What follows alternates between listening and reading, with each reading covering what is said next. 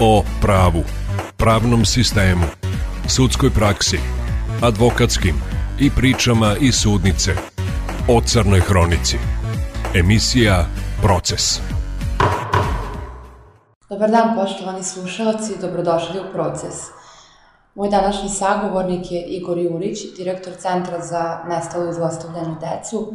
Dobrodošli u Proces i hvala vam što govorite za Radio Novi Sad. Velika mi čast i hvala na pozivu, tačnije hvala na prilici da mogu da govorimo o važnim temama i onome što naš centar zapravo radi. 25. oktobra svima je u Srbiji stigla poruka da će se uvesti Amber Alert ili kod nas pronađi me. Kako je društvo reagovalo na pojavu tog sistema i šta je konkretno taj sistem? Zapravo sistem jeste pušten u rad 25. oktobra. Mi smo naglašavali da će sistem e, proraditi, profunkcionisati do 1. novembra, ali smo isto tako e, naglašavali da postoji mogućnost da se to desi ranije. To se desilo 25. oktobra i samim tim što ste e, kao građani dobili tu SMS poruku ili ste videli objavu na nacionalnim e, televizijama, na nacionalnim frekvencijama, vi ste e, e na neki način obavešteni da je sistem pušten u rad.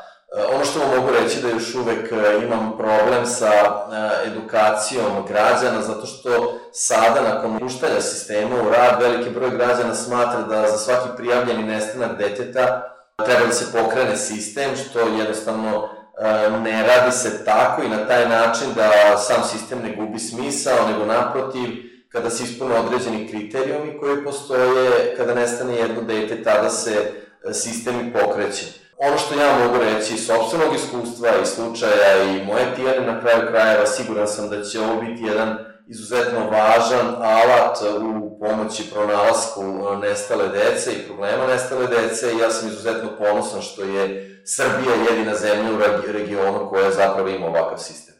Kako se stvari pokreće taj sistem? Ko odlučuje e, kada će se pokrenuti? Ko uzbunjuje taj nestanak? Kako su mediji, a kako društvo uključeno sve to? Pa, sistem pokreću e, načelnici policijskih uprava, dakle, u zavisnosti gde je dete nestalo, koja je policijska uprava uključena, a, oni pokreću sam sistem. E, naime, kada se ispune ti kriterijumi, kada se definitivno zna da je dete u životnoj opasnosti, da je ugrožen život, tada se sistem pokrene. Sistem se pokreće upravo preko platforme koja se naziva Pronađime, koju su konstruisali, tako da kažem, stručnjaci iz naše zemlje, dakle, pre svega tu mislim na Ministarstvo telekomunikacija, vrlo lako se ispunjava ta forma i preko te platforme se obaveštavaju činioci koji čine e, sam sistem, tu pre svega mislim na medije, svi mediji u Srbiji su uključeni i svi vi ćete imati obavezu da prekinete vaše emitovanje programa ako se e, sistem pokrene, dakle imat ćete obavezu da u prvih 8 sati od nestanka, tačnije od pokretanja, na svakih 30 minuta prekidate svoju emisiju i da e, vi kao radio emiter e, kroz jednu audio formu e, obavestite vaše slušalce da je dete nestalo, gde se desio nestanak, kako dete izgleda, koje godište, šta imalo na sebi taj dan i neke druge informacije. Nakon isteka 8. sata do isteka 48. sata, to ćete imati obavezu da radite na svakih sat vremena ili eventualno do pronalaska jednog deteta, a isto to će raditi svi, sve televizije u Srbiji, Putevi Srbije će imati obavezu da obaveste vozače na putu, umesto informacija tipa vozite pažljivo, imaćete informaciju da je nestalo dete i da se poseti sajt MUPA, zatim autobuske železničke stanice u Srbiji će na LED ekranima u okviru samih objekata imati obavezu da emituju informaciju o nestanku i aerodrom Nikola Tesla je takođe uključen na svim billboardima, na svim LED ekranima u okviru aerodroma. Aerodrom će biti u obavezi da e, emituje istu informaciju. Tako da, to je ta, ta prva faza završena. A, naravno, mobilni operateri će SMS-om obavestiti svoje korisnike i na taj način će se veliki broj ljudi informisati vezano za sam nestanak. Ono što ja mogu naglasiti da će se sistem na neki način proširiti, radi se i na drugoj fazi, da bi se dodatno uključili i drugi činioci koji mogu dodatno pomoći u informisanju celog društva. Koji su zapravo kriterijumi da bi se sistem pokrenuo? Znači, kako se procenjuje da li dete životno ugroženo? Pa upravo to jesu zaista kriterijumi. Ono što je osnovno to da je da se da policijski službenik proceni da je dete u životnoj opasnosti. Dakle, reći vam samo neke slučajeve, moguće je da je jedno dete ostavilo recimo opuštenu poruku ili da je recimo roditelj, ukoliko je jedan od roditelja otmičar, on ostavio opuštenu poruku gde dovodi direktno u opasnost samo dete. Zatim, ako se na nekom mestu gde je dete nestalo, recimo vidi neki trag borbe ili slično, dakle dete je prvi put nestalo, nije imao naviku to da radi, uh, video se trag borbe, recimo kao što se desilo u Tijeninom slučaju, tada se pokreće sistem. U slučaju recimo devojčice iz Niša uh, koja je otišla u okolini se znala da živi čovek koji je bio višestruki seksualni prestupnik, i sumnjalo se odmah u istom, u istom mahu da je on eventualno otmičar ili činio slična krivična dela, sistem se pokreće. Ako je dete mlađe od 7 godina koje je nestalo, po pravilu se mora pokrenuti sistem, dakle bez drugih nekih provera, jer samim tim što je dete na ulici u tom uzrastu već se smatra da je ono direktno u životnoj opasnosti ukoliko nije sa svojim starateljima ili hraniteljima ili roditeljima, a ukoliko je dete koje je mlađe od 18 godina, recimo, ima neki oblik invaliditeta, oblik autizma, lakše intelektualne teškoće, sistem se takođe po pravilu pali i uključuje. Tako da, u tim nekim situacijama, to su samo neki od kriterijuma koje policija ima zaista jedno e, vrlo malo vremena potrebno da se to proceni i tada se sistem pali.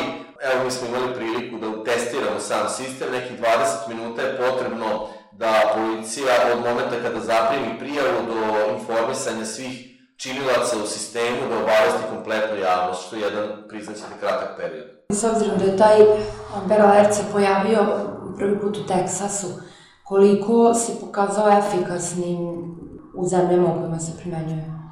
Ja sam imao sam priliku da zajedno sa našom policijom i e, predstavnicima policije Bosne i Hercegovine da budemo u Americi, da vidim zapravo kako to tamo funkcioniše. Ono što vam ja mogu reći da je tamo izuzetno efikasan sistem, to je već neka, ajde da kažem, ustaljena aktivnost e, njihove države i do sada je tri, više od 3200 mališana spašeno od momenta kada je on pokrenut. Na nekom godišnjem nivou e, 96 do 97% je uspešno samog sistema, dakle kad se sistem pokrene, od momenta kada dete nestane pa do povratka kući je 96 do 97%, a u prvih 3 sata se dete pronađe gotovo 50% slučajeva od momenta kad se sistem pokrene što mu zapravo daje tu snagu i jeste e, nešto što je izuzetno važan novac. Tako da, da nama jeste to bila zapravo motivacija da mi pokrenemo isti, isti sistem kod nas, jer je zapravo praksa pokazala da on jeste delotvoran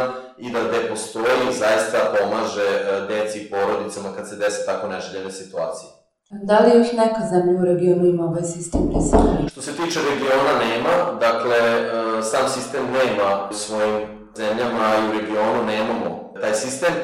Ja se nadam da ćemo uskoro imati, očekujem da druge zemlje u regionu implementiraju isto, sada imaju eto i praksu od koga mogu da, da vide, ali mogu da kažem da eto, imam dve zemlje koje su zaista zainteresovane, tu pre svega mislim na Bosnu i Hercegovinu i Crnu Goru, očekujem da oni urade isto, a nadam se da će, evo, posle ovog slučaja u Makedoniji, tragične smrti male vanje, da će Makedonija krenuti u implementaciju, jer mislim da je to na neki način dugi prema samoj devojčici.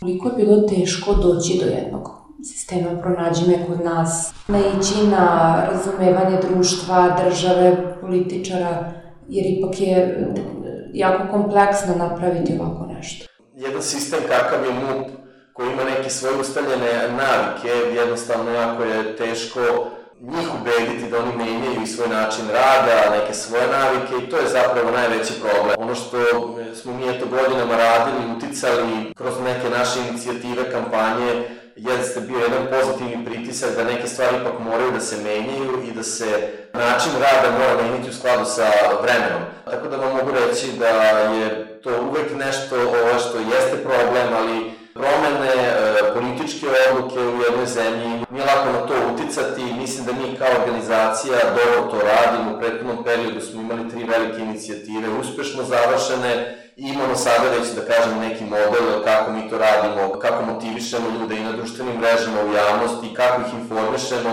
da se jednostavno stvori jedna slika šta se promenom dobija. Da li mogu mediji i društvo malo više da doprinesu popularizaciji, tako reći, tog sam sistema Pronađi me, time što će se malo više pričati o tome, što će se malo više govoriti o pozitivnoj praksi i o samoj ozbiljnosti situacije kada se pokreće taj sistem. Pa ne samo za ovaj sistem, mislim da je za sve druge aktivnosti koje su povezane direktno sa bezbednošću dece, jako je važno da se na tome e, više radi, da se promovišu takve stvari, da se generalno kada pričamo o bezbednosti dece, mi smo uvek nekako vezani za one loše situacije, kad se dese neke tragedije, onda, onda se o tome piše, onda smo mi kao organizacija pozivani da o tome govorimo, da li je to u pitanju seksualno zlostavljanje dece, nestanci dece, njihovo zlostavljanje putem interneta, vršnjačko nasilje. Mi kao organizacija radimo ono što je naš deo posla. Mi preventivne aktivnosti konstantno sprovodimo, mi upozoravamo roditelje, mi ih informišemo, u medijima imamo mi saveznike, jer zaista ne mogu da budem neko ko će e, reći nešto pogrešno, jer e, zaista ta podrška postoji, na kraju kraja zbog toga jesmo uspeli u mnogim našim inicijativama. Recite mi neki pozitivan primer, pošto sami ste naveli da mediji najčešće pišu o negativnim aspektima, o ubistvima dece, zlostavljanjima dece, nestancima dece.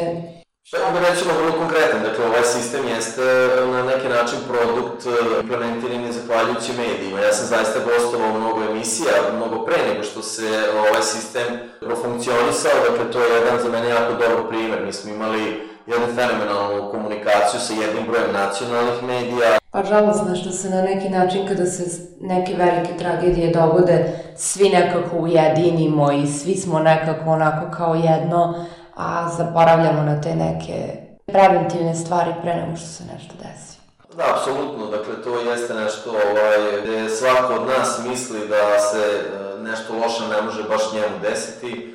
To je nekako na neki način bilo i moj način razmišljanja da nisam mogao nikad ni da zamislim da će mi dete biti oteto i da će biti žrtva e, i seksualnog zlostavljanja, ali jednostavno danas upravo jesam neko ko govori javno o tome, ko upozorava i ko jednostavno kaže da to se može desiti svakom i svako od nas potencijalna žrtva, zato toga je jako važno da se deci pre svega mnogo više posvetimo da bi jednostavno na taj način smanjili mogućnost da se nešto loše desi. Pre svega svako čas na tolikoj snazi, nakon svega na neki način ste se uzdigli i onako iznad svega što vam se desilo i postigli i Tijanin zakon i evo taj sistem pronađi me i pretpostavljam bit još projekata Ja sam izuzetno zahvalan da sam uspeo da se izdignem iz situacije i da radim neke dobre stvari. Nažalost, veliki broj roditelja nema tu mogućnost, nema tu snagu. Ja, naravno, ponosan sam na sve do sada urađeno, ponosan sam na moju tijenu što mi je omogućila da radim tako važne stvari, da menjam stvari u društvu i ono što je moja obaveza pre svega je da nikad ne izneverim ni to poverenje koje mi je ona pružila, ali Mnogo vam hvala što ste govorili za emisiju Proces. Hvala vama i želim vam zaista dobar, kvalitetan i uspešan rad. Proces.